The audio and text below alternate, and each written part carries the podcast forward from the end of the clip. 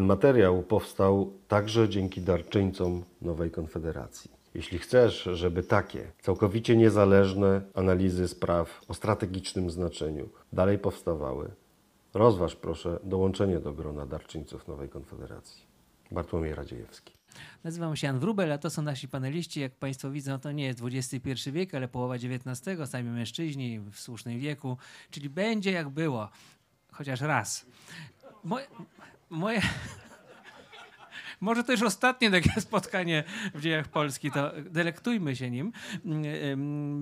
Będziemy mówić krótko. Mam nadzieję, że dam dobry przykład, bo właściwie w ogóle nie mam teraz mówić, bo mam tylko podsumowanie y, tutaj ze scenariusza. Ale od razu Państwu podsumuję, że to jest niezwykle ja nie odróżniam wstępów od podsumowań za bardzo. W sposób bardzo ciekawe spotkanie. Y, ono ma tylko jedną wadę, że prelegenci, kiedy właśnie przejdą ze wstępu takiego frazeologicznego i semantycznego do właściwej części swojej wypowiedzi, to ja im przerwę, bo czas już minął, bo tego czasu jest niewiele. Mamy 9 minut 30 sekund na łba, jak to mówiono w XIX wieku. Czyli y, to nie jest dużo czasu, wszyscy o tym dobrze wiemy. Także może też podarujmy sobie takie długie wstępy mm, pod tytułem czym są megatrendy czym są też megatrendy nowego świata. Zresztą, wiecie, wiecie Państwo, czym jest nowy świat, bo to może zająć wiele minut, a już nie, ma na to, nie będzie na to czasu po prostu. Kto nie rozumie tytułu, jak na przykład prowadzący, to trudno, no, to, to jedzie dalej, zrozumie w, w trakcie.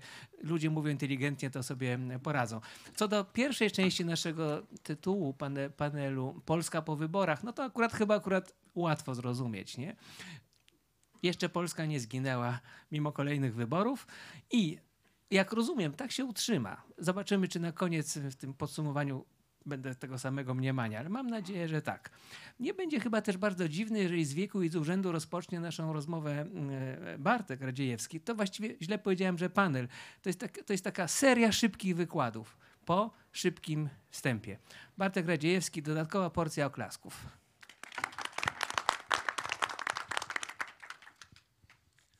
Dziękuję bardzo. Ma być zwięźle i mam nadzieję, że będzie. Ja w sprawie rywalizacji mocarstw w takim, na takim najbardziej generalnym i strukturalnym poziomie.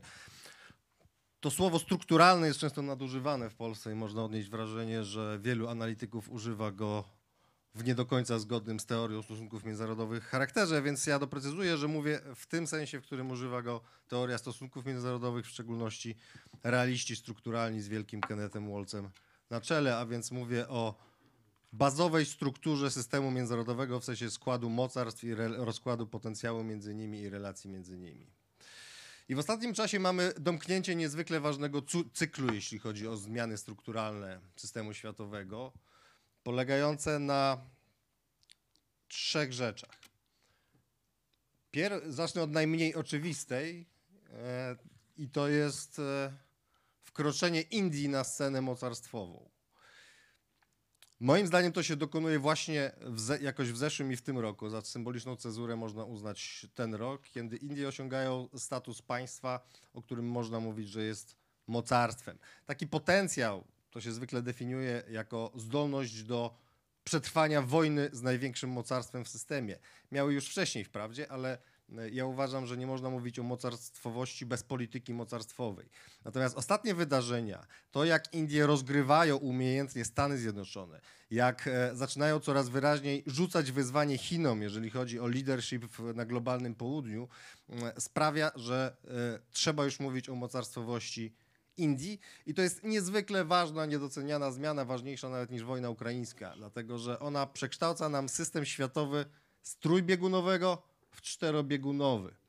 Akurat jest tak, że systemy trójbiegunowe cekują się szczególnie niekorzystnymi właściwościami, ponieważ rodzą pokusę sojuszu dwóch mocarstw przeciwko trzeciemu, przeprowadzenia niszczycielskiej wojny i podziału łupów.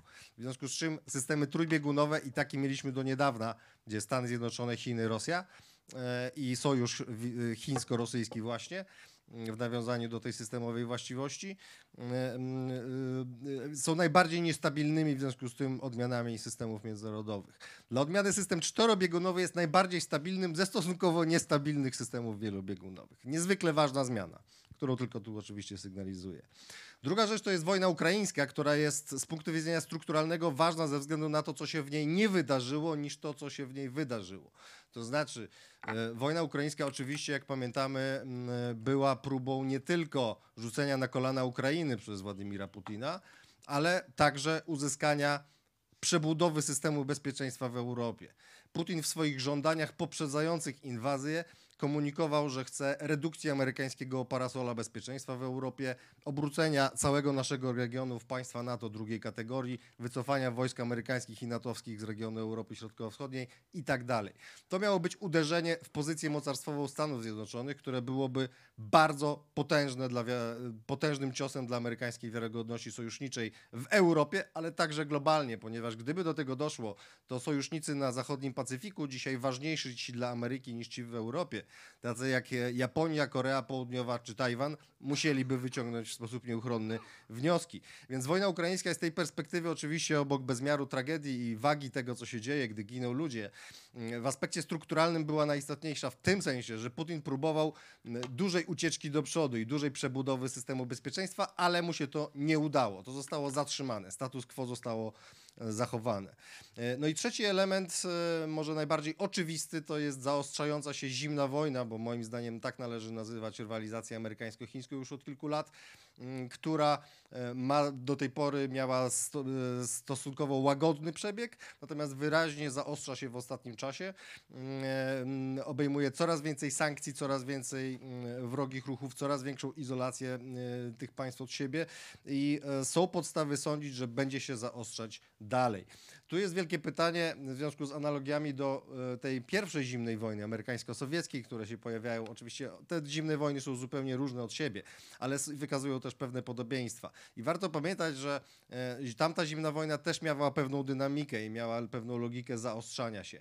Istnieje moim zdaniem prawdopodobieństwo, że ta też będzie się z czasem coraz bardziej zaostrzać i że możemy przechodzić od systemu takiego e, umiarkowanego w tej chwili równoważenia, jakie mamy, do silnego równoważenia, a więc przypominającego to, co Amerykanie robili wobec Związku Sowieckiego i vice versa. A to było związane także z wyścigiem zbrojeń, także z blokowością, budowaniem ścisłych koalicji przeciwko sobie. Należy mieć to moim zdaniem na uwadze. Konkluzją tego wszystkiego jest e, nowy porządek światowy, który się ukształtował w wyniku e, wielkiej przebudowy ostatnich 15 lat. To znaczy między rokiem 2008 a 2013 mamy następujące wydarzenia strukturalne. E, Koniec systemu jednobiegunowego, czyli systemu, w którym Ameryka jest jedynym mocarstwem. E, w Mniej z symboliczną datą 2008, gdzie Rosja i Chiny wracają na scenę mocarstwową. W 2014 roku Chiny są już i prowadzą politykę supermocarstwową. I w ostatnim czasie mamy Indie dołączające do klubu mocarstw. To jest największa liczba strukturalnych zmian systemu światowego w nowożytnej historii po II wojnie światowej, co uzmysławia e, w tak krótkim czasie, co uzmysławia e, skalę przeobrażeń, których byliśmy świadkiem i naprawdę możemy sobie pogratulować i ucieszyć się, że to się obyło bez III wojny światowej albo czegoś porównywalnie katastrofalnego. Natomiast mamy domknięcie tego cyklu i to jest niezwykle ważne, natomiast skutki tego będą się ujawniać jeszcze długo, długo. No i teraz rzecz y, o prognozach. Y, Nie wiem, jak tam z zegarka prowadzącego wynika, ile mi jeszcze zostało, ale mm, doskonale, 4 minuty to spokojnie zdążymy. Więc jeżeli chodzi o to, co chciałbym wskazać przyszłościowe, jeżeli chodzi o te megatrendy, to tak. e, No jedno już e, zasygnalizowałem. Prawdopodobne dalsze zaostrzanie się e, zimnej wojny. Jeżeli chodzi o Rosję, wymienianą tutaj wśród tych strukturalnych, ważnych elementów, jest ona słabnącym mocarstwem z bardzo złymi perspektywami. To jest słabnące mocarstwo, które jak wiele tak zwanych declining powers zachowuje się szczególnie agresywnie. To jest typowe dla tego typu potęg, ponieważ walczy o utrzymanie statusu lub ewentualnie odwrócenie niekorzystnych trendów, w których jest. A jest w bardzo niekorzystnych trendach, ponieważ jest w zapaści demograficznej, ponieważ ma monokulturową, prymitywną gospodarkę opartą na eksporcie surowców energetycznych, co w związku z zieloną transformacją za jakiś czas zostanie w bardzo silny sposób zakwestionowane. I nie widać prostego sposobu na to, by Rosja mogła przejść z obecnej gospodarki opartej na surowcach paliwach kopalnych do e, gospodarki czystych źródeł energii. W związku z czym czeka ją wysoce prawdopodobnie potężny kryzys e, ogólnie modelu rozwojowego e, i e, jak się wydaje próbuje póki może przebudować, póki ma przewagę na przykład właśnie w wojskach konwencjonalnych, przebudować ład tak, żeby nie dopuścić do mm, wypadnięcia z klubu mocarstw lub po prostu degradacji znaczącej swojej pozycji międzynarodowej.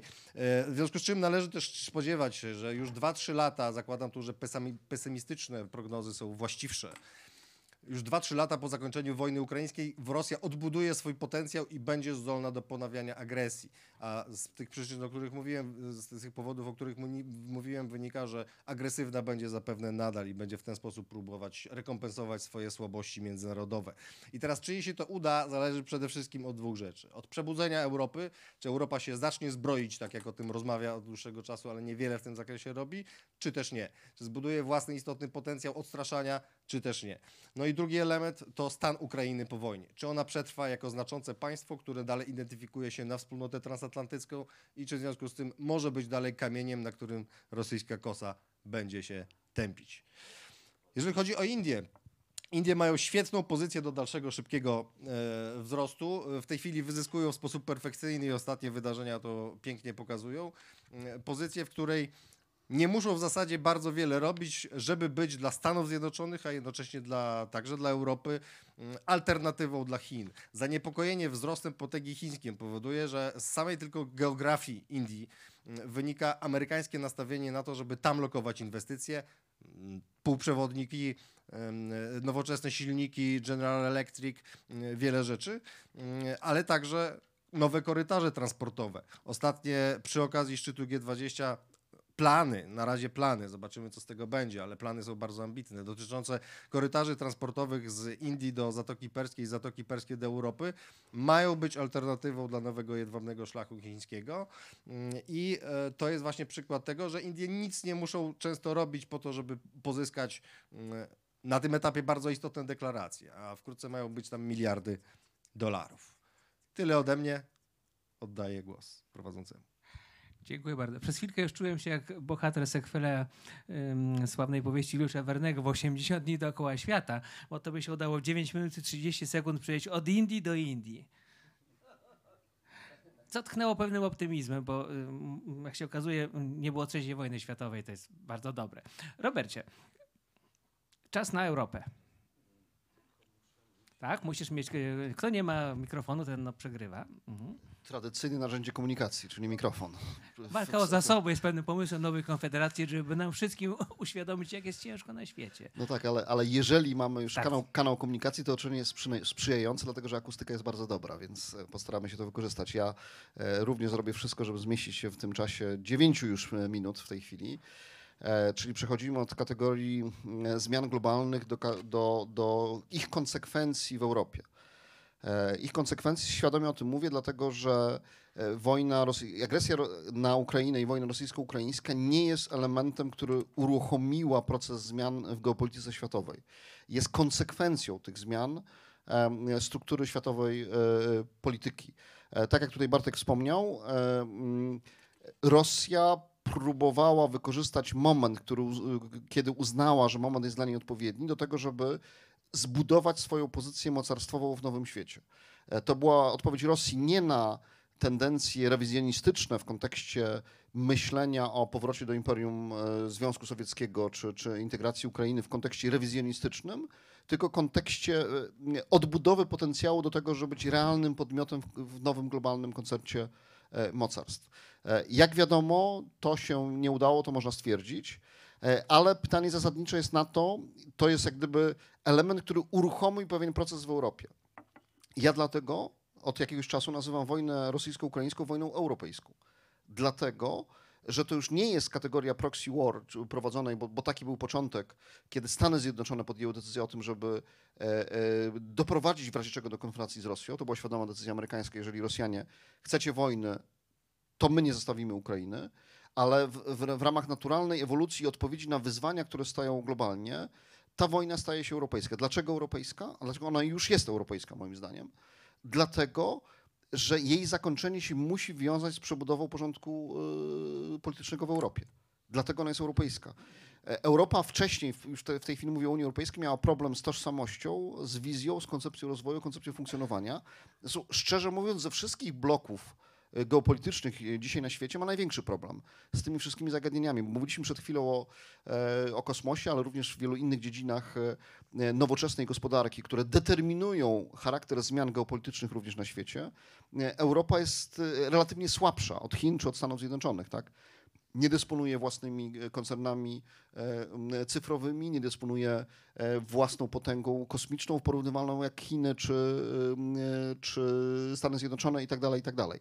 Więc w dziedzinie nowoczesnej gospodarki jest wyraźnie w tyle, musi ten, te elementy e, nadrabiać. Z drugiej strony jest podległa największej skali negatywnych trendów, żeby wymienić chociażby tylko jeden, czyli kwestia imigracji, która ma potencjał do rozsadzenia e, e, w ogóle projektu europejskiego i Unii Europejskiej. Ma potencjał, czy tak się stanie, nie wiemy, ale ten potencjał jest do tego, żeby tak się stało. Nie chcę taki, no, jeden tylko przykład, czyli manifestacje e, propalestyńskie w tej chwili, szok, który jest e, tym spowodowany e, w elitach państw zachodniej Europy, powiedzmy. Tak? To tylko, tylko jest jeden drobniutki, drobniutki przykład, żeby już nie mówić o Lampedusie i tak dalej. Ale idąc dalej. Pytanie zasadnicze jest, bo wojna rosyjsko-ukraińska zdeterminuje porządek europejski. To jest pytanie, czy on będzie służył rozbudowie i wzmocnienia projektu europejskiego, czy się przyczyni do jego e, de facto rozpadu i zakończenia. Bo, bo moim zdaniem taka jest alternatywa dzisiaj. Ja, ja tak to stawiam. W tym sensie, że, że jeżeli I, to jest przyczyną, dzisiaj ta zmiana moim zdaniem w e, polityce Berlina już jest. Tylko pytanie, czy ona jest trwała i na ile będzie odpowiedzialna, na, ile świadoma i na ile odpowiedzialna będzie w dłuższej perspektywie. Na czym polega ta zmiana? Zmiana polega na tym, że moim zdaniem w sposób, nie ma powrotu do biznesu as usual między Berlinem a Moskwą. Ten temat jest zakon... nie dlatego, że, e, że Ukraina, że jakieś sprawy moralne, etyczne, czy, czy, czy, czy ocena e, kategorii agresji i tak dalej, tylko chodzi o to, że znika strategicznie i perspektywicznie fundament e, relacji niemiecko-rosyjskich, polegających na tym, że w nowej gospodarce Rosja ma niewiele do zaproponowania w kontekście budowy potencjału niemieckiego.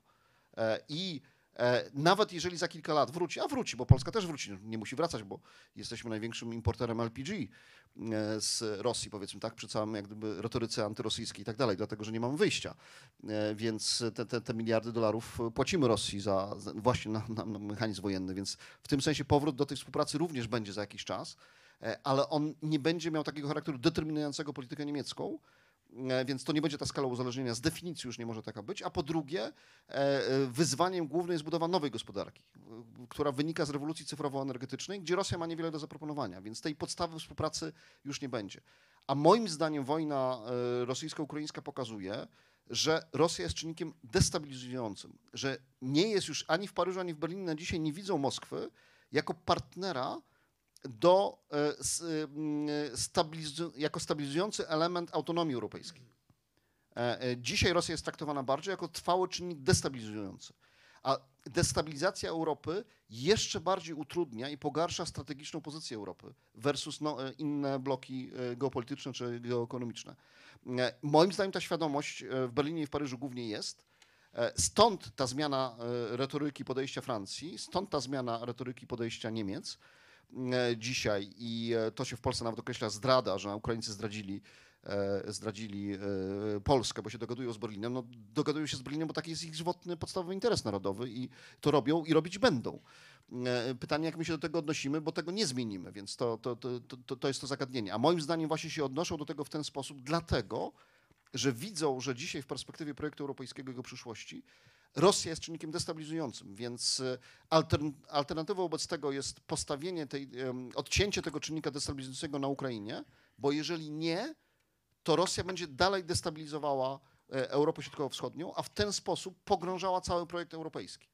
E, Aż też do, do, z potencjałem jego wpływu negatywnego większym niż kwestie migracyjne nawet powiedzmy. E, I, i, to, I to jest ta zasadnicza zmiana strategiczna, której ja nie wiem, na ile my w Polsce sobie e, zdajemy sprawę, bo w tym kontekście powinniśmy prowadzić dyskusję, jak się odnosimy do e, zmian wewnątrz Unii Europejskiej, dlatego że dzisiaj też jest oczywiste, że jest na stole, jest to w głównym nurcie dzisiaj polityki europejskiej, rozszerzenie na wschód w ramach zagwarantowania stabilizacji, ale przy okazji wykorzystania tego jako, do, jako element zmiany struktury władzy w Unii Europejskiej, jako pakiet wiązany. Dlatego z argumentem przekonującym dla większości zdecydowanej państw, czy prawie wszystkich państw Europy Środkowo-Wschodniej, chcecie pokój, chcecie bezpieczeństwo, Unia musi wyglądać inaczej po prostu. Tak? My się zaangażujemy, my to rozszerzymy, jeżeli Unia będzie wyglądała inaczej. To jest oczywiście element ryzyka, bo jest pytanie, na ile e, to w poprzednim wystąpieniu było zakreślone, na ile Europa sobie zdaje sprawę i na ile ta zmiana jest realna i na ile e, polityka bezpieczeństwa jest wylewarowana na odpowiednio ważny poziom, bo tego, tego nie wiemy, to się toczy dopiero. Pewne decyzje są pozytywne, ale nie można powiedzieć, że to jest proces, który y, możemy określić jako absolutnie zakończony i uznać, że, że jesteśmy po dobrej stronie mocy, w tym sensie, że te projekty polityki bezpieczeństwa europejskiego e, są już tak silnie zaawansowane, że, e, że jest tylko kwestia ich doprowadzenia do skutku. Tak nie jest, więc to jest jak gdyby obszar, e, obszar ryzyka. Ale też, żeby pokazać znaczenie tego wątku, to ja pokazuję jedną rzecz. Oczywiście Rosja jest mocarstwem wschodzącym, to już, to już Bartek powiedział, ale w związku z tym też czynnikiem destabilizującym. E, e, Jeżeli my mówimy, ja od początku bardzo mocno protestowałem przeciwko tej filozofii em, Federacji Polsko-Ukraińskiej jako, jako osi już takiego nowego porządku i tak dalej, dlatego że jesteśmy za słabi. Żeby tylko uzmysłowić jedną rzecz. Rosji zabrano 300 miliardów dolarów. Rosja dalej prowadzi tą wojnę przy dużym potencjale. Owszem, ja zakładam, że to jest oczywiście wojna wyczerpująca dla Rosji, ale to pokazuje ich, ich potencjał. Jeżeli my zostalibyśmy sami z Ukrainą, nawet ze wsparciem amerykańskim, które będzie ograniczane w Europie, jej obecność będzie ograniczana, to jest droga do klęski. To jest dro droga do, e, powiedzmy, e, e, powrotu tych przekleństw polskiej polityki, kiedy, kiedy znowu wchodzimy w kategorię wojny. Więc bez tego zaplecza, który daje dzisiaj Europa również Ukrainie, która dzisiaj już Europa przewyższyła w, w zakresie wsparcia finansowego, bo mówimy tylko o wsparciu militarnym, czyli czołgach, pociskach i tak dalej, które są kluczycze na, na, na linii frontu. E, Już kończę, ale e, państwo ukraińskie jest utrzymywane z pieniędzy europejskich. Utrzymywane. 70% wydatków, każdy, e, każda hrywna, 70% z każdej hrywny wydawanej przez budżet ukraiński jest wydawana z pi- pieniędzy pomocowych w większości europejskich. Więc to pokazuje prawdziwy dylemat, który stoi przed Polską dzisiaj. Dlatego, że ja uważam, że jedyny element stabilizacji e, w Europie Środkowo-Wschodniej jest związany z rozszerzeniem projektu europejskiego. I to jest prawdziwy dylemat. Dziękuję bardzo. Gdybyśmy parę lat temu mieli mm, waszą piątą rocznicę, to byśmy mówili chyba bardziej o współpracy, o perspektywach, o, gospod- o gospodarce, która dawno już pokonała takie problemy jak na przykład wybuch wojny. Ale że to jest dziesiąta wasza rocznica, to jesteśmy w innej rzeczywistości, w innym słownictwie i słowo obronność wywołuje Tomasza Badowskiego, bo, bo, bo ktoś musi. Dobry wieczór Państwu. Bartku, dziękuję za zaproszenie. Na wstępie tylko podkreślę, że wszystkie wypowiedzi to są moje prywatne wypowiedzi, w żaden sposób nie związane z e, instytucjami, z którymi e, jestem związany zawodowo. E, tak, obronność. Tutaj temat panelu jest Polska po wyborach i mega trendy nowego świata. Jak tutaj Bartek i mój przedmówca powiedział, żyjemy w bardzo niespokojnym świecie i tak naprawdę nie wiemy, jakiej będziemy sytuacji międzynarodowej i geopolitycznej za rok.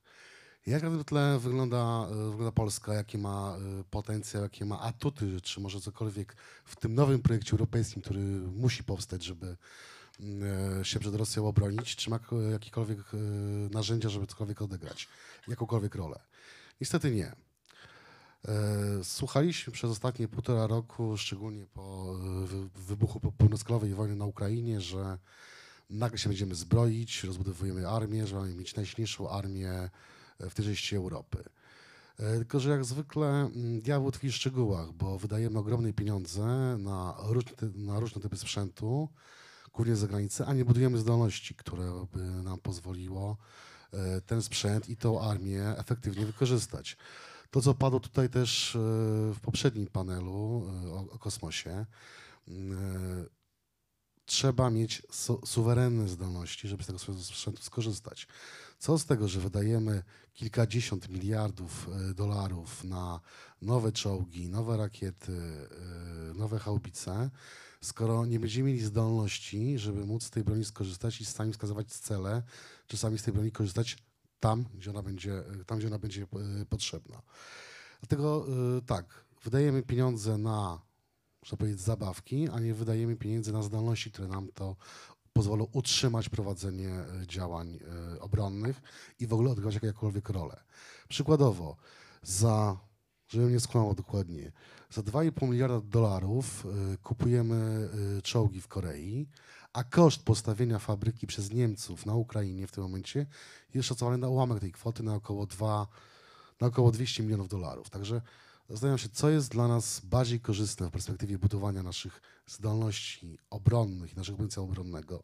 Czy kupić gotowy czołg, czy też e, postawić nową fabrykę i też włączyć się w tym, tym samym w cały proces budowy zdolności produkcyjnych i obronnych e, całej Europy. Tutaj, dochodzi, tutaj dochodzimy do, do kolejnego punktu, jakim jest, kolejnego elementu, jakim jest e, w mojej ocenie cały system obronny, bo pamiętajmy, obronność i bezpieczeństwo to nie tylko siły zbrojne i e, defilady na, na 15 sierpnia, ale również całe zaplecze przemysłowo-obrony, które pozwala, umożliwia, że ta armia ma amunicję, e, ma dostawy paliwa, ma całe zaplecze, dzięki któremu możemy e, prowadzić e, działania obronne i odgrywać jakąkolwiek rolę. Parę lat temu, w 2011 roku, jak był e, konflikt w Libii, krajom europejskim dosłownie po kilku dniach zabrakło bomb. Musieli prosić Amerykanów o to, żeby podesłali bomby kierowane do prowadzenia działań operacji libijskiej. Obecnie obserwujemy e, na Ukrainie e, ten sam problem. Nagle się okazało, że w Europie nie ma fabryk zdolnych produkować produkcji amunicji do haubic. I zanim to rozbudujemy, zanim w ogóle e, ktokolwiek pomyśli- o tym, jak na nowo poukładać europejski przemysł obronny, to tutaj się niestety będę pesymistą, że Europa nie będzie odgrywała żadnej roli w tej nowej grze czterech mocarstw, o których wspomniał Bartek, że po prostu nie będziemy mieli do tego żadnego potencjału. Nie wiem, jeszcze mam czasu, bo tak e, trochę... to- No to ja się- wiem. To fajnie. 5,50. E, dlatego po- po- powiedział dwa kluczowe zdolności, dwa, dwa kluczowe elementy, szczególnie jeśli chodzi o, e, o nasz kraj. Odbudowa zdolności przemysłowych, żebyśmy mogli e, być przynajmniej równorzędnym partnerem i odgrywać jakąś rolę wspólnie z, z partnerami europejskimi. A druga rzecz, e, zamiast wydawać pieniądze na drogie zabawki, trochę jak e, bez ładu i składu, budujmy zdolności, które będą zapewnią nam tą e, przewagę na lata. To tak tyle na razie. Dziękuję. Czy ten czas niewykorzystany będzie kiedyś zwrócony? No, o tym w następnym odcinku. Sprawa, e, sprawa obronności jest moim zdaniem pchnięta mocno do przodu. Przepraszam, że, że się z tobą wejdę w polemikę, bo na przykład ja dostałem przydział mobilizacyjny kilka dni temu i mam nadzieję, że przynajmniej część z tych miliardów przeznaczonych na polskie wojsko pójdzie na wyposażenie świetlicy e, w, w, w garnizonie, do którego mam się udać w, w razie zagrożenia i że kupią tam piłkarzyki. E, Aby Europa Mam jeszcze te parę minut do wykorzystania, tak właśnie odwrócę. Okej, mamy przejemy mo- mobilizacyjne, ale czy jesteśmy przeszkoleni? Co mamy robić? Gdzie mamy szkolić? Jeszcze jeden element. Obrona cywilna, o której e, nie wspomniałem. Czy gdyby w tym momencie zawyły gdziekolwiek syreny w Warszawie, ktoś z Państwa wiedziałby, co ma zrobić, gdzie ma się udać, jak ma zareagować? Nie ma nic. Mieliśmy wybory e, zakończone w zeszłą niedzielę. Czy którakolwiek z partii e, w swoim programie podniosła postulat odbudowy systemu obro- obrony cywilnej, ochrony ludności cywilnej? E, W sierpniu się pojawiła informacja, że e, fińska minister spraw zagranicznych dostała z komisji, e, że rząd fi- fiński dostał z Komisji Europejskiej miliony euro na zbudowanie całego systemu schronów, magazynów paliw, masek przeciwgazowych, wszystkiego, co jest potrzebne w czasie kryzysu. U nas ten temat nie istnieje. My się cieszymy, że mamy e, nowe czołgi Abrams nowe śmigłowce Apache, ale nie mamy systemu, który by całe te, te, trzy aspekty obronności, czyli siły zbrojne, zaplecze przemysłowe, e, obrona cywilna, w spójny, kompleksowy sposób nimi za, zarządzał. Także tutaj niestety ja nie będę takim optymistą jak, jak pan redaktor. No, ja tak byłem trochę optymistą na pokaz. E, Zobaczmy, co z gospodarką, prawda, pa- panie profesorze? Profesor Kazimierz Dadak ma nam powiedzieć, że z gospodarką nie jest tak źle, jak myślimy. Umiarkowanie. E, Kazimierz Alak, e, emerytowany już profesor Hollins University e, ze stanu Virginia. Więc Dzisiaj będę mówić o trendach ogólnoświatowych. Będę swoją wypowiedź podpierać danymi statystycznymi, więc wykażę swoje skrzywienie zawodowe. E, Także zanim przejdę do rzeczy, chciałem podziękować za, za zaproszenie i życzyć nowej Konfederacji wielu dekad dalszej owocnej i skutecznej działalności. E, Więc e, moim zdaniem gospodarka światowa w ciągu najbliższych dekad będzie determinowana przez trzy takie zasadnicze zjawiska. Pierwsze zjawisko natury politycznej, czyli proces rozpadu systemu jednobiegunowego w system, i tu się pozwolę e, nie zgodzić z moim szanownym e, przedmówcą, w system trzybiegunowy, a nie czterobiegunowy. E, Do tego czwartego bieguna, czyli do Indii, e, myślę, że ona jeszcze nie, przez jakiś czas nie będzie biegunem. Mam nadzieję, że na sali nie ma geografów i geo- geografek, prawda? Bo ta liczba E, więc- biegunów nam się mnoży jak króliki, a geografia Nie, właśnie nie lubi. zmniejsza, właśnie zmniejsza, przepraszam. Dziękuję. Więc, e, e, więc s- trzy, pie, w związku z, z tym rozpadem systemu politycznego będzie też e, następować e, proces deglobalizacji, czyli rozpadu e, systemu dość zintegrowanego ogólnoświatowego gospodarczego na e, trzy takie zasadnicze bloki. W dalszej perspektywie India może być takim czwartym elementem, ale to, to dopiero w, dal, w dalszej perspektywie. I taki trzeci, kolejny, niesłychanie ważny element e, to jest e, szalony wyścig technologiczny, postęp technologiczny, który będzie mieć e, miejsce e, w najbliższej, w najbliższych dekadach i w ogóle w przyszłości całej. E, Więc dlaczego e, podzielam świat na trzy bieguny? Dlatego, że z gospodarczego punktu widzenia tylko takie trzy biegony istnieją. Pierwsze e, to są Chiny. Wbrew powszechnie wypowiadanej opinii, Chiny są największym systemem gospodarczym świata. Jeżeli policzymy realny PKB Chin, e, czyli według e, parytetu, e, parytetu wymiennego waluty, to e, chi, gospodarka chińska produkuje e, w tej chwili, w 2021 roku, wyprodukowała PKB e, wartości 25, prawie 25 bilionów e, dolarów amerykańskich. W cenach porównawczych gospodarka amerykańska wytworzyła PKB o wartości niewiele ponad 21 bilionów, czyli tu jest różnica prawie 18%. Natomiast e, trzecim takim biegunem jest Unia Europejska, której gospodarka jest e, po Brexicie trzecią w tej chwili największym, e, trzecim największym systemem gospodarczym o PKB rzędu 19 bilionów e, dolarów. Natomiast e, ten czwarty biegun to wytwarza w tej chwili niewiele ponad 9 bilionów. Powtarzam, to jest wszystko w cenach porównawczych, w cenach realnych, a nie według rynkowych kursów wymiennych. Więc te trzy bieguny będą mieć e, ogromny wpływ na sytuację gospodarczą swoich e, regionach i także na rozwój e, gospodarczy. E, Pod koniec, jeżeli będę mieć e, dość czasu, to powiem, jaka jest sytuacja Polski w tym. Więc jak wspomniałem, sytuacja wyjściowa jest taka, że są te trzy wielkie systemy gospodarcze i te nożyce między Chinami a Stanami Zjednoczonymi i Unią Europejską będą się e, powiększać, e, ponieważ e, e, poziom inwestycji w Chinach jest dużo wyższy niż w tych dwóch pozostałych e, biegunach. E, Tam e, około 40% PKB co roku jest przeznaczane na inwestycje w środki trwałe, a to dzisiaj e, to nie, nie, nie jest tylko prawda, infrastruktura e, w rodzaju drogi i tak dalej, ale przede wszystkim e, komputery, systemy telekomunikacyjne i tak dalej. E, I tutaj trzeba przyznać, że Chiny też e, przodują, jeżeli chodzi o tel, tel, sprzęt telekomunikacyjny. E, Więc e, te nożyce się będą rozwierać e, i Chiny będą zwiększać swój dystans w sensie gospodarczym w stosunku do Stanów Zjednoczonych i do Unii Europejskiej. W związku z tym procesem deglobalizacji będzie także występować rozrywanie obecnie istniejących ciągów dostaw logistycznych. E, Będzie e, ro, mieć e, miejsce rozpad na te trzy wielkie bloki gospodarcze.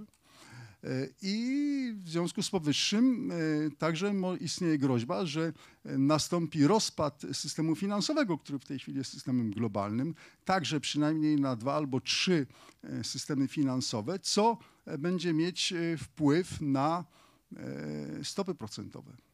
i z drugiej strony na poziom inflacji, wzrostu cen, E, ponieważ e, będzie mieć miejsce rozpad e, na te trzy bloki gospodarcze, będzie mniej konkurencji, konkurencja będzie w ramach bloków, a nie ogólnoświatowa. W związku z powyższym będzie presja inflacyjna i także, ponieważ będzie mieć rozpad systemu, systemu finansowego, to będzie mniej oszczędności dostępnych na rynkach tych e, regionów, które mają deficyt w tej chwili.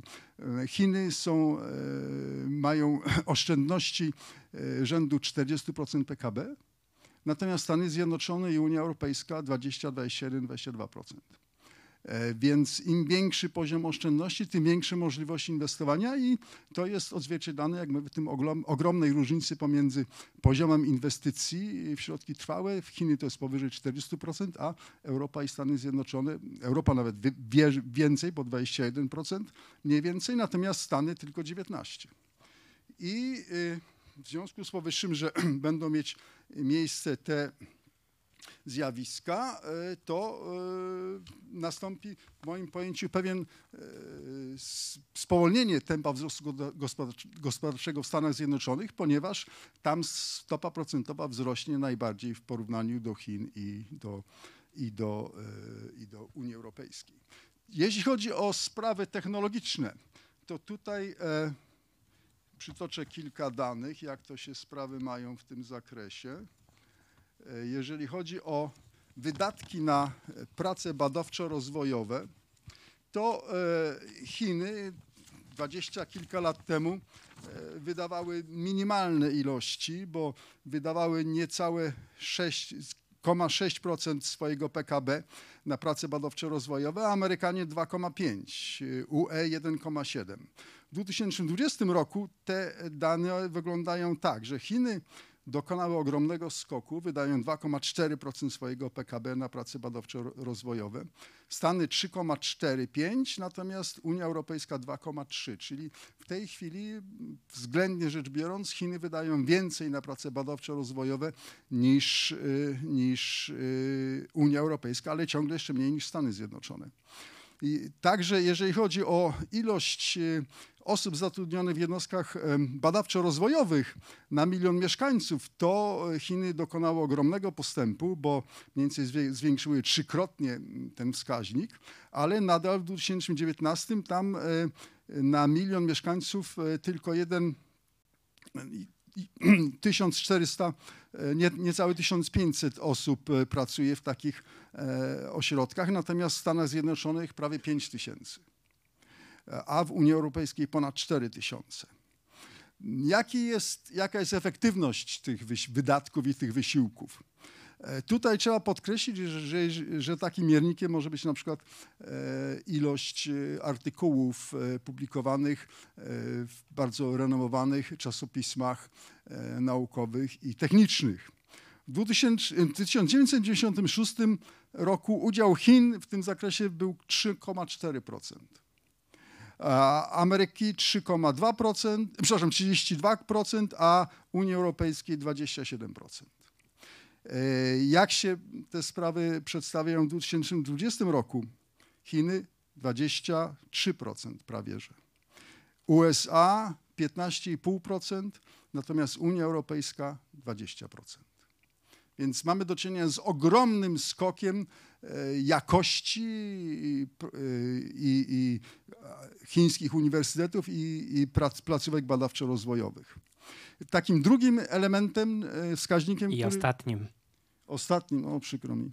E, To jest, e, to jest e, ilość e, patentów triadycznych, czyli takie, które są jednocześnie uznawane w e, Japonii, e, USA i Unii Europejskiej. W 1996 roku Chiny e, miały takich patentów mniej niż jedną dziesiątą procenta. Przodowały Stany Zjednoczone 33% światowych takich patentów, a Unia Europejska była tuż za, za nimi 30%. W 2020 ogromny postęp, jeżeli chodzi o, chodzi o Chiny. Ponad 10% światowych patentów tych tradycznych to jest udział e, chińskich naukowców, 22, e, prawie 23% to są amerykańskich, a niewie- niewiele ponad 20 19% to e, to jest Unia Europejska. Także Chiny moim zdaniem będą nadal przodować, jeżeli chodzi o rozwój gospodarczy w świecie. Dziękuję bardzo. Idealnie się pan zmieścił co do sekundy. To jest taka chwila, w której możemy sobie pomyśleć, że jedzie jakiś tankowiec i w środku tankowca jest pociąg. W środku tego pociągu jest przedział i w tym przedziale są polscy politycy zajmujący się tym, który z nich usiądzie tyłem do, do jazdy, a który przodem do jazdy. E, I myślę, że, są w pociągu, bo nie wiedzą nawet, że jest tankowiec. No ale wiecie Państwo, jak to z metaforami, nie? Dobrze brzmią, a może nie oddają żadnej rzeczywistości. Piotr Trudnowski. Tak, ja bardzo dziękuję za zaproszenie. Gratuluję oczywiście nowej konfederacji e, tej dekady. Trzymam kciuki za kolejne i dziękuję za to, że właśnie w tym bardzo ambitnym e, panelu, e, gdzie tak znakomici eksperci o tak wielkich procesach z perspektywy tankowca albo nawet jeszcze jakiegoś większego obrazu e, opowiadają, a tymczasem mi przyszła, e, przypadła w udziale rola takiego wujka z wesela, który się wypowie na ten sam temat, na który wypowiadają się wszyscy Polacy od 48 godzin i właściwie nie może powiedzieć nic oryginalnego, tylko może powiedzieć, że to jedno z drugim nie ma specjalnie nic e, wspólnego. Jest duże wyzwanie, by zrobić to w miarę e, w miarę interesujący, e, interesujący sposób. Czym też chyba zdradziłem, zdradziłem pewnie puentę mojego wystąpienia. Natomiast e, e, zanim dojdę do jej powtórzenia, no to rzeczywiście postaram się jakoś krótko odnieść do tej rzeczywistości, w której jesteśmy, czyli tylko wal, tej walki o e, kierunek jazdy czy kierunek siedzenia w pędzącym pociągu. E, No, w związku z tym, że faktycznie jesteśmy w takim momencie, w którym chyba nie można by uciec od krótkiego podsumowania e, tego, co się wydarzyło ta- tak, 48 godzin temu, czy o czym się dowiedzieliśmy 48 godzin temu, no to spróbuję e, podsumować wyniki tych wyborów i tej kampanii pozytywami, bo to nie jest takie łatwe wcale. E, Pierwsza rzecz, którą uważam, że powinniśmy odnotować, e, która powinna nas mimo wszystko w tej rzeczywistości cieszyć, to to, że uciekliśmy sprzed bardzo wysoce prawdopodobnego scenariusza wpadnięcia w okres e, chaosu, powtarzanych wyborów, scenariusza izraelsko-bułgarskiego, który mógłby się e, w takich seriach czterech czy pięciu powtarzanych wyborach e, e, powtarzać czy dokonywać w ciągu najbliższych dwóch, e, trzech lat. No i biorąc pod uwagę te wszystkie wyzwania i też to zmęczenie, jakie ta kampania myślę, że dla ogólnego zdrowia społecznego przyniosła, to jest bardzo dobra informacja. A sądzę, że jeszcze półtora miesiąca temu byliśmy bardzo bliscy tego scenariusza, e, w którym te powtórki wejdą nam w krew i przez najbliższe dwa lata jakakolwiek rozmowa, czy w ogóle refleksja na poziomie państwowym o którymkolwiek z problemów, które podnosili moi szanowni przedmówcy, w ogóle nie byłaby możliwa. Dzisiaj jest mało prawdopodobna, ale hipotetycznie możliwa, więc to, że będziemy mieli prawdopodobnie dość stabilny rząd z dość dużą większością, to jest bardzo dobra informacja. Druga dobra informacja to jest taka, że uniknęliśmy ryzyka, e, które moim zdaniem przy okazji tych wyborów było wysoce prawdopodobne, zwłaszcza w połączeniu z zupełnie nieuregu- nieuregulowaną prawnie kampanią referendalną, czyli scenariusza próby jakiejś zagranicznej ingerencji w przebieg procesu e, wyborczego. No, Prawo więc wręcz do tego zachęcało, było to bardzo proste. Na szczęście nikt z tego nie skorzystał. Nie mamy kolejnego kryzysu wyborczego, nie mamy kolejnych e, wielkich emocji. Wizja polskiego e, bizona na polskim kapitolu e, na szczęście nas nie spotkała. Myślę, że powinniśmy się z tego cieszyć. I trzecia kwestia, z której mimo wszystko wydaje mi się, że jakoś powinniśmy się cieszyć, choć mam co do tego pewne wątpliwości, to jest fakt tego wybuchu frekwencyjnego, którego mało kto się spodziewał. No to 75% to jest wynik absolutnie imponujący i myślę, że on sam w sobie nie ma wielkiej wartości, ale myślę, że pokazuje pewną e, coś, co wydaje mi się, że jest ostatnim kapitałem e, polskiej wspólnoty politycznej, czyli pewnej takiej właśnie nomen omen e, konfederacyjności jako zdolności do istnienia e, polskiego narodu politycznego, czyli że na co dzień to sobie żyjemy swoim życiem, ale raz na czas, kiedy przychodzi wielkie wydarzenie, to, e, to potrafimy się rzeczywiście ponadstandardowo zmobilizować w tym konfederacyjnym e, zrywie. Doświadczenie pomocy po, 20, e, po 24 e, lutego było tego takim ostatnim przejawem. Tutaj na dużo mniejszą skalę, ale jednak gdzieś ta zdolność została e, zachowana. No i teraz przechodząc do tej kampanii, oczywiście no nie, powiem, nie powiem nic odkrywczego, mówiąc, że to była najbardziej brutalna, najbardziej absurdalna, najbardziej trudna do odnalezienia się kampania, jaką potrafiliśmy sobie e, wyobrazić, ale też kampania, która no, chyba pokazuje jakąś ewolucję polityki, e, która niesie daleko idące konsekwencje, tak? czyli polityki postpiśmiennej, polityki spornografizowanej, polityki stiktokizowanej, jakkolwiek byśmy tego e, nie nazwali, no to takiej rzeczywistości politycznej, która z jednej strony rozbudza wielkie emocje i, inga, i angażuje bardzo wiele e, czasu, emocji, nerwów e, bardzo wielu osób i jak widać ostatecznie prowadzi do wzięcia udziału w wyborach przez miliony ludzi. A z drugiej strony sprawia, że środowisko takie jak Nowa Konfederacja na przykład, czy środowisko moje, e, z którego się e, wywodzę, Klubu Jagiellońskiego, mam wrażenie, że w coraz większym dystansie do takiej rzeczywistości politycznej e, funkcjonuje i gdzieś tam szuka sobie innych zainteresowań, innych, e, innych priorytetów, bo nie widzi jakiegokolwiek sensu swojego zaangażowania w spory i komentarze e, polityczne, co jest oczywiście taką samospełniającą się przepowiednią, doprowadzającą do tego, że ta polityka w związku z tym, że nikt, kto chciałby o niej mówić inaczej, niespecjalnie potrafi się w tym odnaleźć, będzie jeszcze bardziej postmiśmienna, jeszcze bardziej stiktokizowana, jeszcze bardziej spornografizowana i tym bardziej nie będzie w niej miejsca na rozmowę o tych wszystkich ważnych rzeczach, o których, mm, o których Państwo, y, panowie tutaj y, mówili. No, Wymieńmy sobie krótko te tematy. Porządek wielobiegunowy, reforma Unii Europejskiej, konfrontacja Rosji z Zachodem, obronność, obrona cywilna, niewymienione, zielona transformacja, energetyka, y, koszty społeczne cyfryzacji.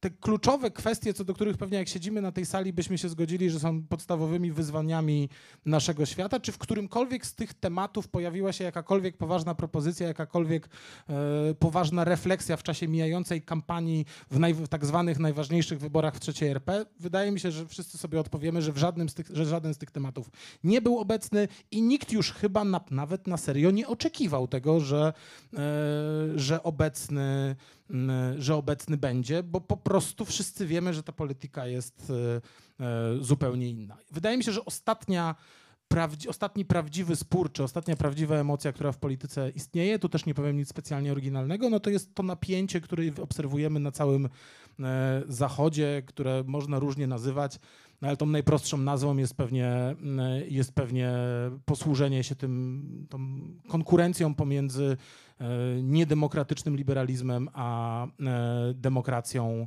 e, nieliberalną, czyli ten spór, który w uproszczeniu w Polsce po stronie demokracji nieliberalnej mamy Prawo i Sprawiedliwość, po stronie niedemokratycznego liberalizmu mamy Donalda Tuska i gdzieś tam te pojedyncze niedobitki, e, które gdzieś próbują się z tego prostego podziału, e, podziału wymknąć w pozostałych e, partiach. Wydaje mi się, że ta emocja, ten podział pozostaje prawdziwy, pozostaje ostatnim, który jakoś politycznie, na który polityka próbuje odpowiadać. Tylko, że ten podział jest bardzo silny, bardzo emocjonalny, bardzo głęboko zakorzeniony w indywidualnych postawach. Niejako jesteśmy zaprogramowani do naszego wyboru, czy jesteśmy bardziej za demokracją, ludem, wspólnotą, czy indywidualizmem, liberalizmem, e, globalizacją. Tak? To, są, e, to są bardzo często dużo głębsze procesy niż prosty e, polityczny wybór, w związku z czym kampanie wyborcze w ogromnym stopniu wyglądają w taki sposób, jak wyglądała ta kampania. No jeżeli sobie Państwo zajrzą na średnią sondażową sprzed roku,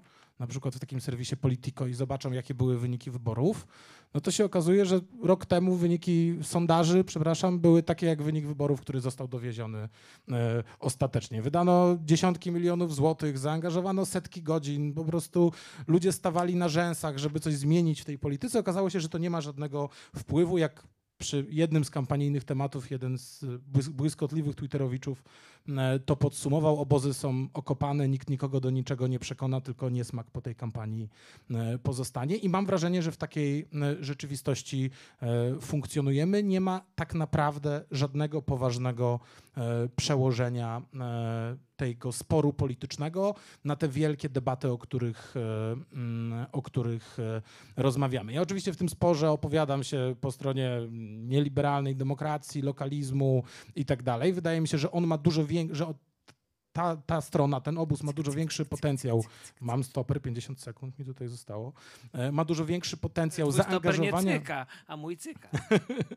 e, ma dużo większy potencjał do tego, żeby próbować e, te kluczowe spory rozstrzygać w sposób, który będzie do wspólnoty politycznej zapraszał obywateli i jakkolwiek kazał się nad tym zastanawiać, co w wymiarze cywilizacyjnym, międzynarodowym czy, mm, czy, czy, czy tym gospodarczym chociażby e, powinniśmy wybierać. E, Natomiast e, bardzo trudno, e, bardzo trudno mi sobie wyobrazić, e, że mogłoby się to na nowo stać jakąś główną osią życia, mm, życia politycznego. To, co na sam koniec jako dodatkową, e, jako dodatkowy taki chociaż małe ziarenko e, optymizmu, co wydaje mi się, że pokazały te wybory, to to, że jednak we wszystkich obozach politycznych, od Konfederacji po, i to jest już ten mój, to jest mój cykacz, od Konfederacji po lewicę następuje taki wewnętrzny podział na tą część bardziej indywidualistyczną i bardziej wspólnotową. I mam wrażenie, że w tych konkretnych wyborach okazało się, że ta część bardziej wspólnotowa właściwie w każdym z obozów e, odegrała lepszą, większą, silniejszą rolę niż ta indywidualistyczna, niż się wszyscy tego e, spodziewali. I to jest to takie malutkie ziarenko optymizmu, które być może jakiś nowy podział polityczny e, zapowiada. Kiedy powiedziałeś o ziaren- o ziarenku optymizmu, Jerema zrobił tak smutną minę, że obawiam się, że jego krótki wykład na temat trendów społecznych no, nie wniesie wiele światła optymizmu do naszej jaskini. Będę starał się nie oceniać trendów, o których mówię. To Państwu zostawię, Dziękujemy. tak? Dzie- 9 minut 30 sekund włączam stoper. Kiedy próbowałem rozrysować sobie trendy i megatrendy, jeśli chodzi o strukturę społeczną, relacje społeczne, sposób funkcjonowania społeczeństwa, to okazało się, że strzałki wszędzie, wszystko się ze wszystkim łączy tak naprawdę, więc trudno jest te zmiany, o których mówię, w jakikolwiek sposób schierarchizować i sklasyfik- sklasyfikować, więc trzeba zacząć od jakiegoś losowego miejsca, którym będzie czynnik wpływający na rozwój społeczeństwa. Zacznijmy od samego czynnika, czyli rewolucja technologiczna, rewolucja internetowa i mediów, mediów społecznościowych, y, a od y, roku objawienie także sztucznej inteligencji, ale to jest dopiero zapowiedź tego, co ona będzie mogła robić w postaci y, czatu GPT. Jest to czynnik, który powoduje pojawienie się na świecie zupełnie mm, pokoleń o zupełnie innej mentalności, zupełnie innej filozofii, zupełnie innym sposobie patrzenia na świat. Dlatego, że y, dzieci od y, kilkunastu lat sukcesywnie coraz y, środowisko rozwojowe dzieci od kilkunastu lat coraz bardziej wypełnione jest przez przestrzeń online i przez kontakt z maszyną lub zapośredniczony przez, y, przez maszynę, przez komputer lub smartfona, a jest to środowisko rozwojowe znacząco inne niż środowisko fizyczne, które stawia opór. Y, Homo internetus, człowiek wychowany w sferze online, człowiek, dla którego sfera online jest tak samo ważna jak sfera fizyczna czy przyrodnicza, czy społeczna, czy też sfera społeczna jest przez nią zapośredniczona, to jest przede wszystkim człowiek, który żyje w pewnej iluzji y, płynności y, świata, płynności rzeczywistości, płynności tożsamości. E, I e, w pewnym sensie jest to spełnienie marzeń postmodernistów o płynnym społeczeństwie, o zaniku wielkich przemocowych, ich zdaniem, e, narracji, które układają społeczeństwo. E, W świecie online można być e, każdym i ktoś, e, dla kogo świat online był środowiskiem rozwojowym, będzie e, miał poczucie, że on może być każdym e, także w różnego rodzaju innych e, sytuacjach. Z tym, że bycie każdym y, i konieczność wyboru y, podstawowych rzeczy, które kiedyś, który to którego to wyboru kiedyś dokonywało za nas społeczeństwo, zarówno grupy pierwotne, y, te na, najbliższe y, człowiekowi, takie jak rodzina, grupa sąsiedzka, y, w dalszej kolejności y, państwo, y, kultura, szkoła. y, W tym momencie ciężar wielu takich wyborów włącznie z wyborem własnej płci kulturowej, z, którym, y, z którą się utożsamiamy, y, i jest coraz bardziej na barkach jednostki. I znowu nie oceniam. To, jest, to się okaże, to jest pewien wielki eksperyment społeczny, którego wyniki ujawnią się w ciągu najbliższych 10, 20, 30 lat. Czy dla dobrostanu ludzi lepiej było, kiedy pewne kwestie za człowieka załatwiało społeczeństwo, czy lepiej jest, kiedy on sam y, sobie to ustawia. Przy czym te wybory też są bardzo często iluzoryczne, bo mamy do czynienia ze światem, w którym faktycznie zanika myślenie narracyjne. y, I wydaje mi się, że pierwszy jest zanik myślenia narracyjnego, i tak jak w internecie mamy mnóstwo różnych narracji, które się ciągle zmieniają.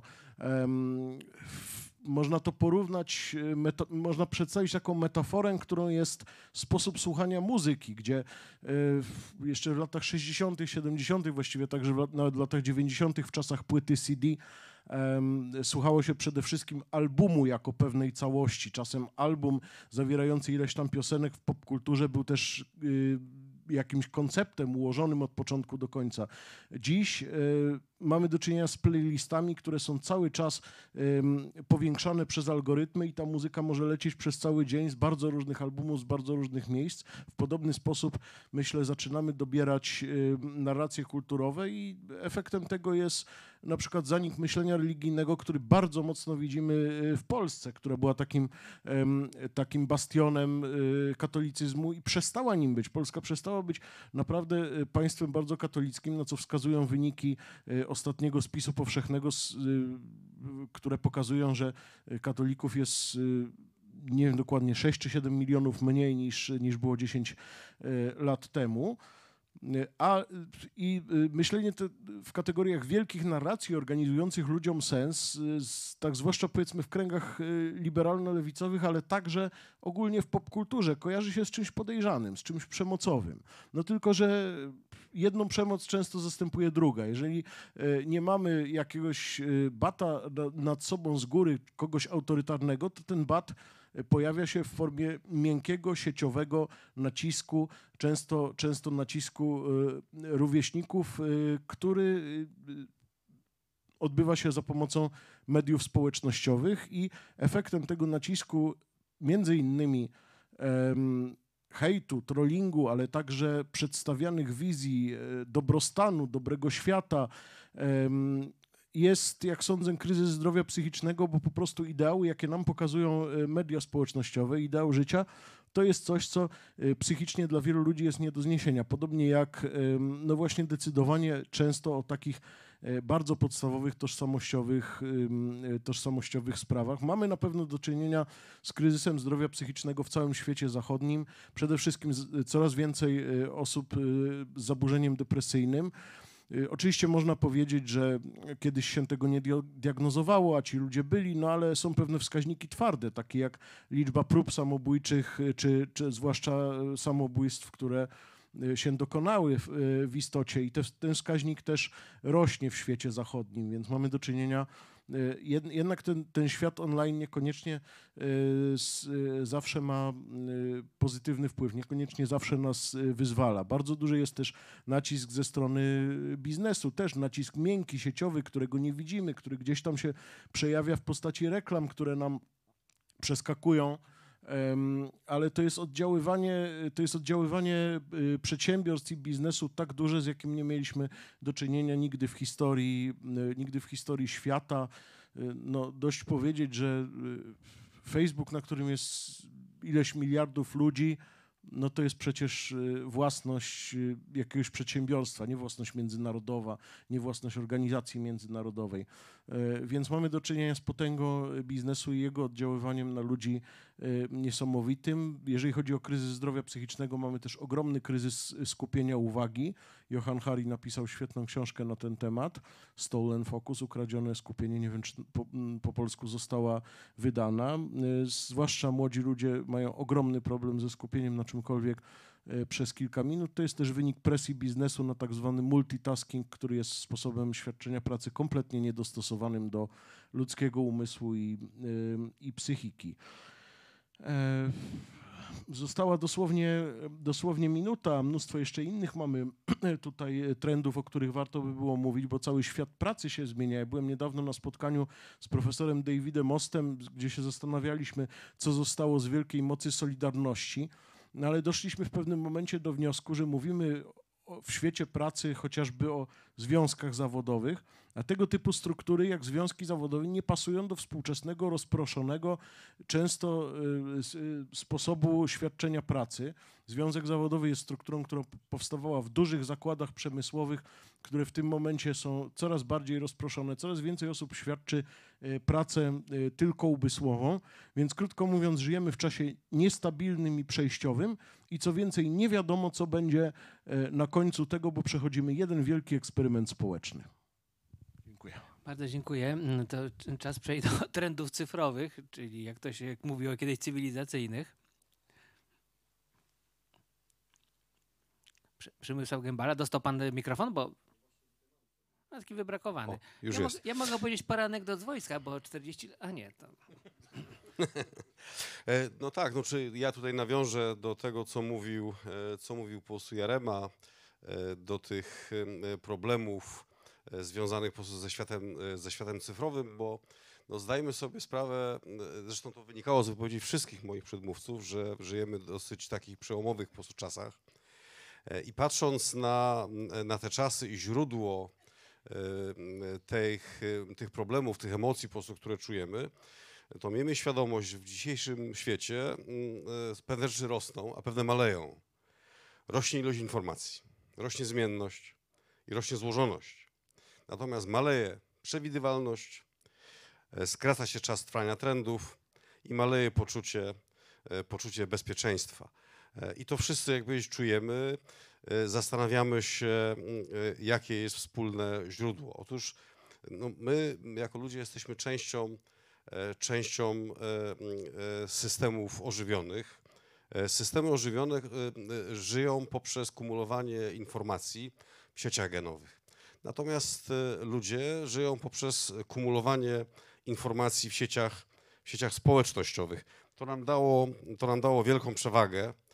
E, To nam dało e, cywilizację, kulturę, a w tej chwili ta cywilizacja, kultura jest wystawiana na próbę poprzez osiągnięcia cyfrowej, cyfrowej rewolucji. Cyfrowa rewolucja no, potęguje do kolejnej potęgi ilość informacji, którą jesteśmy bombardowani i których nie nadążamy, nie nadążamy racjonalizować.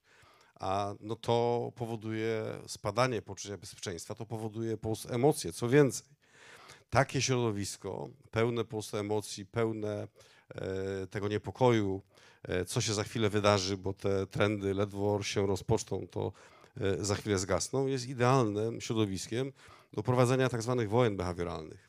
Czyli wojen, które toczą między sobą przede wszystkim biznes, a w tej chwili coraz bardziej politycy, między sobą o naszą uwagę. A jak można przyciągnąć naszą uwagę po to, żeby coś od nas dostać? E, No wywołując emocje. I w efekcie mamy do czynienia z tym, że te emocje, które są no, pewnym, pewnym markerem behawioralnym, pewnym sygnałem dla, dla nas samych, że gdzieś trzeba swoją uwagę obrócić, bo coś dzieje się ciekawego, e, no, stają, jak powiedzieć, swoim przeciwieństwem, czyli e, nigdy po prostu nie gasną i w efekcie nie potrafimy to, co mówił e, to, co mówił Jarema, e, skoncentrować, e, skoncentrować naszej uwagi we właściwym, e, we właściwym miejscu. E, Świat staje się coraz bardziej złożony. W konsekwencji podstawową w tej chwili kompetencją ustrojową wydaje się adaptywność, czyli zdolność do dostosowywania się do tej zmiany, do e, e, tej e, rosnącej ilości informacji, do tego, że trzeba, jak to było w Alicji po drugiej stronie lustra, ten problem Czerwonej Królowej, że trzeba bardzo szybko biec, żeby stać, żeby stać chociażby w tym miejscu, w którym no jakoś się, jakoś się czujemy. Tak naprawdę poprzez te emocje, wojny behawioralne czujemy, że tracimy podmiotowość i tak faktycznie, tak faktycznie jest. E, W związku z tym, jeżeli chcemy, żeby ten trend cywilizacyjny w którym w tej chwili jesteśmy poprzez e, wzmocnienie e, e, tej m, e, oferowane przez cyfrową rewolucję, po to, żeby odzyskać tą podmiotowość, e, żeby e, nadążać, adaptować się za zmieniającą się e, sytuacją, e, no od czegoś trzeba zacząć. Jeżeli chcemy odzyskać e, e, podmiotowość, e, no to podstawowym działaniem e, powinna być depolaryzacja, czyli e, mm, to, żebyśmy byli w stanie jednak działać razem, ponieważ e, do działania, e, do sprostania tym problemom, e, których no, coraz więcej przynosi nam współczesny świat, tak naprawdę wszyscy jesteśmy potrzebni. Wszyscy tacy, jacy jesteśmy. I ci bardziej progresywni, i ci bardziej konserwatywni. E, e, I ci, którym, e, którym zależy po prostu na, e, na wolności. Tylko zespołowo jesteśmy w stanie sprostać złożoności świata, coraz większej złożoności świata, e, którym, e, e, który, e, który tworzymy. Miejmy świadomość tego, że pewne rzeczy, one się już dzieją. E, Czeka nas e, upadek e, dotychczasowego systemu miar, którym się posługujemy. Zdajmy sobie sprawę chociażby z tego, że taką miarą, jaką jest PKB, no jest to, e, narasta takie przekonanie, że to jest miara, to jest miara fałszywa, bo tak naprawdę prowadzi do, e, jak powiedzieć, e, usprawiedliwiania nadkonsumpcji, tego, że produkty, które tworzymy, mają coraz krótszy cykl użyteczności i prowadzi do tego, że chociażby Europa jest największym na świecie producentem śmieci i eksporterem śmieci. No, w tej chwili te śmieci jeszcze mamy gdzie eksportować, ale nie jestem wcale taki pewien, czy ten proces będzie można kontynuować w nieskończoność. E, Czeka nas e, mm, wypracowanie sobie e, pewnych nowych systemów miar, które mm, nam pokażą, czy idziemy po prostu we właściwym kierunku. No, jednym, z, jedną z propozycji takiego nowego systemu miar jest propozycja Nikolasa Nassima Taleba, czyli to, czy system jest kruchy, czy antykruchy. No mi się to wiąże z tą adaptywnością, o której, e, o której po prostu mówiłem i którą to adaptywność w swojej książce Kosmopolis tak mocno akcentował Steven, e, Steven Tulmin. Oczywiście po to, żeby racjonalizować otaczający nas świat, e, e, potrzebujemy depolaryzacji, ale żeby ułatwić tą depolaryzację nie tylko teraz, ale i w przyszłości, należałoby zreformować system edukacji, ale nie poprzez e, ustanawianie kolejnych podziałów, że takie klasy prostu czy inne, takie szkoły czy inne. Nie. Mamy uczyć sami siebie i nasze dzieci rozpoznawania emocji, stawiania granic, myślenia krytycznego, gdzie koncentrujemy się na faktach, a nie na emocjach, gdzie poprzez fakty e, i poprzez deliberację stajemy się rozpoznawać wzorce, do których moglibyśmy dostosować nasze działanie i gdzie mamy właściwy stosunek do sygnalistów, czyli aprobatywny, a nie taki, który będzie ich ze społeczeństwa e, eliminował, ponieważ wszyscy jesteśmy, jesteśmy potrzebni. E, Fajnie e, jest, że dzisiaj jest ta dziesiąta rocznica nowej konfederacji, którą świętujemy. Jako nowa konfederacja, no ja się czuję i myślę, że pozostali koledzy i koleżanki też się czują, że jesteśmy częścią tego systemu racjonalizowania otaczającego nas świata. E, Nie tylko my, razem z innymi ośrodkami, e, z Klubem Jagiellońskim, z krytyką polityczną, z, innoma, z innymi oś- ośrodkami, z innymi think tankami, działamy, wydaje mi się, że będziemy działać, chcemy działać na rzecz depolaryzacji, jako warunku koniecznego do tego, żeby iść dalej, żeby zmieniać Polskę, żeby zmieniać Europę.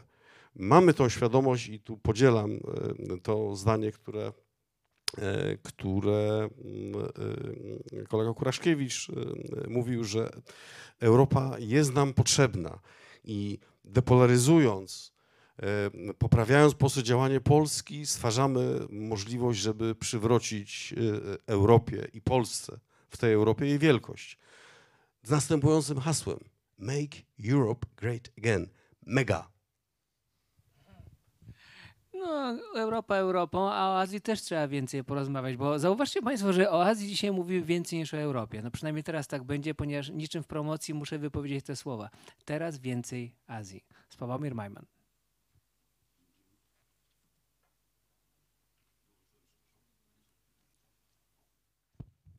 Mikrofon Dobrze, w pojedynku człowieka z mikrofonem powinno się być po stronie człowieka. Y, y, y, mm, Ja się boję, że się dzisiaj znajdę jednak w sytuacji Donalda Tuska w czasie debaty telewizyjnej, kiedy zanim przeszedł do meritum, usłyszał gong, że ma kończyć. No ale dobrze, spróbujemy. Tak, rzeczywiście tak raczej będzie, no ale dał, sobie, dał radę w końcu. Na koniec dał radę. Ja spróbuję wygłosić sześć czy siedem takich, takich ewangelicznych tez, nie próbując ich nawet uzasadniać, bo nie mam na to czasu. Więc po pierwsze, y, y, Azja, y, Azja znaczy relatywizm.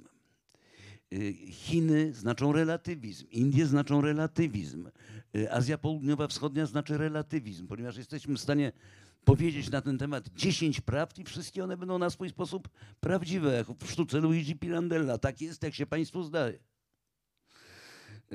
To jest pierwsza rzecz. Druga rzecz, zimna wojna. Y, Moja zimna wojna, bo zimna wojna mojego pokolenia była dziecinnie prosta były Stany Zjednoczone i był Związek Radziecki. Y, One ze sobą rywalizowały o prymat w świecie. Od czasu do czasu toczyły jakieś wojny per procura, a to w Angolii, a to w Afganistanie. Y, y, y, Dążyły do, do, do, do sprzedania swojego systemu, pomysłu na system urządzenia społeczeństwa. Wojna zimna, o której tu już mówiliśmy, między y, y, Chinami a Stanami Zjednoczonymi, która w pewien sposób układa sytuację w Azji, jest zupełnie inna. Bo cóż to za wojna, jeżeli Chiny są drugim partnerem e, handlowym po Kanadzie Stanów Zjednoczonych? Bo cóż to za zimna wojna, jeżeli w Chinach, w Stanach Zjednoczonych studiuje prawie milion studentów chińskich? Bo cóż to za zimna wojna, jeżeli my się e, nie możemy zdecydować, czy świat jest e, bipolarny, czy multipolarny, czy jak mówią Chińczycy, jest cztery, czy pięć, czy sześć tych biegunów, jak mówimy, mówili panowie tutaj trzy albo cztery. No cóż to za zimna wojna? Co tu jest prawdą? I wreszcie mamy zimną wojnę, w której śpieszy się tylko jedna strona. Śpieszą się Stany Zjednoczone do jej rozstrzygnięcia. Stany Zjednoczone się śpieszą do rozstrzygnięcia tego pojedynku z Chinami, dopóki mają przewagę bezsporną na morzu, dopóki mają jeszcze przewagę technologiczną, ale pan profesor ma absolutną rację, że ta prze, przewaga technologiczna e, no, się kurczy, jeżeli się już nie, nie skurczyła. I dopóki mają mm, e, e, i dopóki mają jeszcze niewielką przewagę ekonomiczną. A więc mamy przedziwną zimną wojnę. Po trzecie, Indo-Pacyfik w sposób jednoznaczny i całkowity zastąpił Euroatlantyk jako klucz do supremacji światowej i światowego bezpieczeństwa. E, Jeżeli my ostatnio słyszymy gdzieś od półtora roku e, entuzjastyczne głosy jakiś w Polsce, że centrum ciężkości e, e, świata zachodniego z powodu wojny w Ukrainie, naszego udziału w tym wszystkim, przesuwa się gdzieś w okolice Europy Środkowo-Wschodniej, jest to mrzonka. Po czwarte, mm, bardzo często mi się zdarza na rozmaitych konferencjach międzynarodowych, że nasi amerykańscy przyjaciele pytają nas, sojusznicy, e, e, czemu wy się nie boicie w Polsce Chin? Czemu ciągle gadacie o tej Rosji? E, nawet ostatnio cała delegacja uczonych chińskich, która objechała całą Europę, mówiła, że wszędzie, we Francji, w Niemczech, wszędzie demonizują Chiny, a w Polsce nie. Że wynika to, jak sądzę, z naszej takiej czarującej obojętności wobec spraw globalnych. Wynika to, jak sądzę, z takiego naszego stosunku do spraw globalnych, który wynika z prowincjonalizmu polskiej polityki zagranicznej. E, mm, Piąta teza, o której chciałem wspomnieć tylko, mianowicie mamy do czynienia z bardzo dwoma ważnymi zjawiskami, które są, wynikają z tego, co się dzieje w Azji. Mamy do czynienia z rosnącą dewesternizacją świata, czyli i- i- jeżeli zobaczymy, jak wyglądały wskaźniki eksportu 20 lat temu i teraz, w tej chwili y, eksport azjatycki, eksport europejski to jest mniej więcej po 36%. Było 20 jeszcze 10 lat temu, jeżeli chodzi o Azję. Y, Jeżeli mamy blok ASEAN, który w sumie wymyślili kiedyś Amerykanie, to w, ramach ASEANu, y, z, krajami ASEANu więcej handlują Chińczycy niż Amerykanie. I te procesy dewesternizacji są coraz silniejsze i według mnie są nie do powstrzymania. Wreszcie y, z tym samym związana jest kwest- druga kwestia, mianowicie odrodzenie konfliktu północ-południe. Odrodzenie konfliktu, o którym zdążyliśmy przez 30 lat ostatnio zapomnieć, między południem świata i północą świata.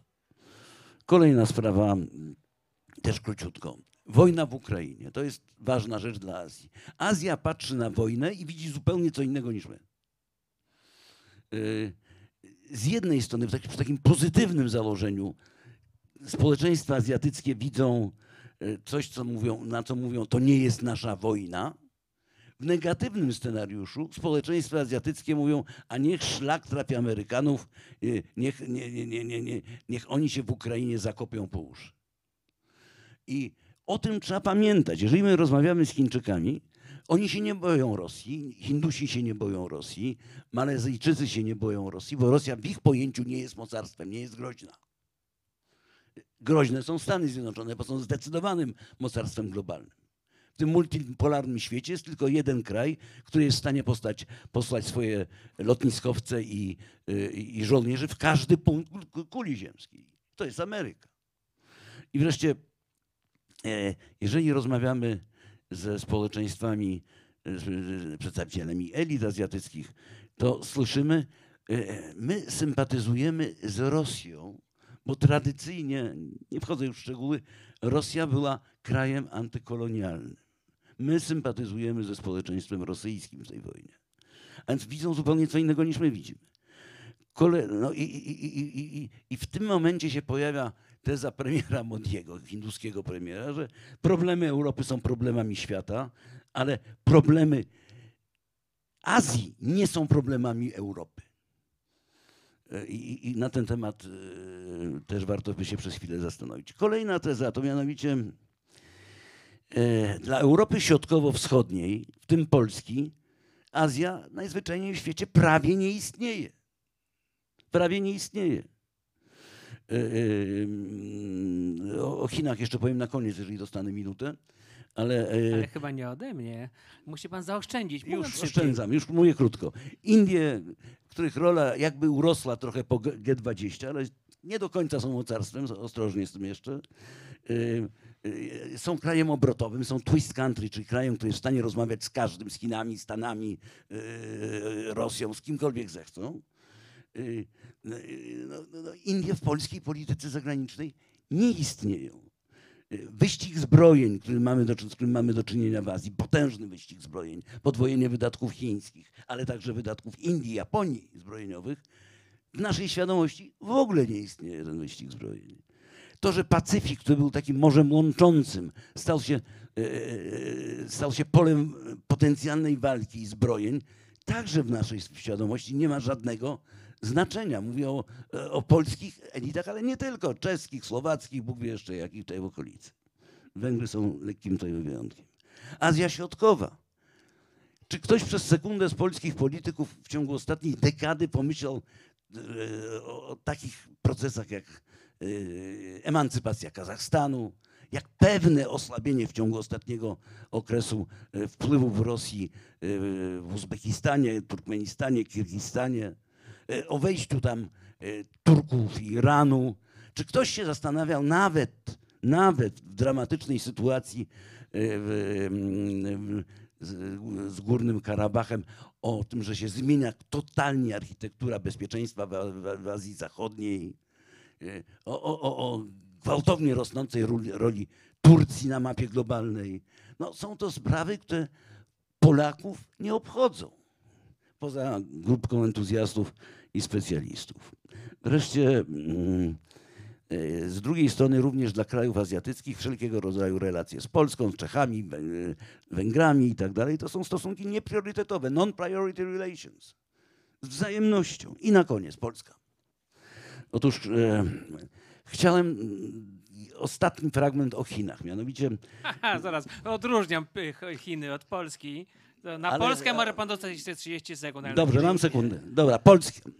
Y, Z Warszawy do Pekinu tradycyjnie płyną mieszane sygnały. Polska polityka wobec Chin jest polityką trudną, trudnych do przewidzenia zygzaków. I, I to się nie zmienia. Ta, to, te zygzaki, że to, to jest ta nasza linia generalna wobec Chin, to jest coś takiego. Po drugie, należy także mieć na względzie, że z perspektywy Chin nie tylko Polska, ale cały region Europy Środkowej y, ma charakter marginalny. I już. W związku z tym mała półpuenta y, Polska, y, Chi- Chiny nie będą ważne dla Polski ani politycznie, ani gospodarczo przez najbliższe lata. Azja nie będzie ważna dla Polski ani politycznie, ani gospodarczo przez najbliższe lata. Dziękuję. Ciężko było słuchać, ale, ale zgodzę się. No, być może tak Chcieliście o Azji o północy, no to co mogę powiedzieć wesołego? Tutaj powinienem błyskotliwie powiedzieć, że w Pekinie jest przecież teraz 4.30 albo coś takiego, ale po prostu nie wiem, która jest godzina teraz w Pekinie. Y, mm, No, wysłuchaliśmy chyba jednak, wydaje mi się, dość ciekawych y, kawałków. Jarema mówił o tym, że jest deficyt, y, czy, czy nie, Przemysław, że, że jest deficyt uwagi. Y, Obaj tak właściwie mówili. Z tego wynika, że młodzi ludzie mają deficyt uwagi. Mam nadzieję, że nikt z Państwa nie poczuł się młody na tej sali. I, I każdy z nas te 10 minut tam był w stanie 9 razy pięknie posłuchać. E, I ja powiem, jaką ja wyciągnąłem, wyciągnąłem z tego uwagę. Jedna jest taka, mm, taka gorzka, krytyczna, ale za to krótka, a druga będzie, będzie mniej gorzka i trochę dłuższa. Ta gorzka jest taka. Istnieje też, myślę, w, wśród ekspertów polskich, nie tych oczywiście, ale może też, pewna pokusa ucieczki od tego polskiego grajdołka. Nawet przez chwilę miałem taki pomysł, a może bym się tym Turkmenistanem bym zajął, co? Na, na czymś bym się znał, nie musiałbym rozmawiać z osobami, którymi nie zawsze rozmowy się kleją. E, mhm. No a druga jest taka trochę, trochę, trochę, e, trochę e, słodsza, to znaczy, że jednak miarą cywiliza- cywilizowania jakiegoś kraju jest fakt, ile osób może w tym kraju mówić o czymś innym niż, niż lokalne problemy. I teraz tu musimy odpowiedzieć na to pytanie, czy ten prawie 40-milionowy e, naród p- polsko-ukraiński wy- wystarczająco dużo ma tych ludzi, którzy są w stanie jednak porozmawiać, porozmawiać o tym, e, jak, Polska może się wobec Indii us- ustawić, a India wobec Polski. Czy jest nas wystarczająco dużo takich osób? No i pewna odpowiedź jest taka, że, że mogłoby być znacznie więcej, ale też mogłoby być znacznie mniej. Nie? To znaczy, jeżeli Państwo narzekacie na, na powiedzmy kampanię wyborczą, na wypowiedzi różnych polskich polityków podczas tej kampanii, które bardzo często były mm, po prostu prostackie i, i, i w domu nikt się tak nie odzywa, jak oni się odzywają w telewizji, to wciąż jest takie pytanie, czy, mhm, czy, czy oni tak mówią, bo uważają, że ludzie chcą tego słuchać, a jak wracają do swojego domu, to jednak mówią inaczej. No, czy też jest tak, że część z nich, jak już wraca do domu, to inaczej nie potrafi mówić. I mnie się wydaje, że wciąż mamy do czynienia z komedią. To znaczy, że większość tych polityków jest o wiele bystrzejsza psychicznie i umysłowo. I nawet gdybyśmy nie było kamer, to mogliby tutaj siedzieć między nami i rozmowa by się kleiła z wielu, z wielu z nimi. Nie? Co nie zmienia faktu, że kiedy włączy się ta kamera, czy, czy jest wieczna polska cholera, kampania wyborcza, która co się skończy, to się zacznie, no to oni po prostu uważają, że należy mówić o głupotach. Nie? I może mają rację, bo jednak 75% ludzi poszło na wybory. Dla panelistów oklaski. Przepraszam, ale takie oklaski w Chinach to kończą się wywożeniem publiczności. Oklaski prawdziwe.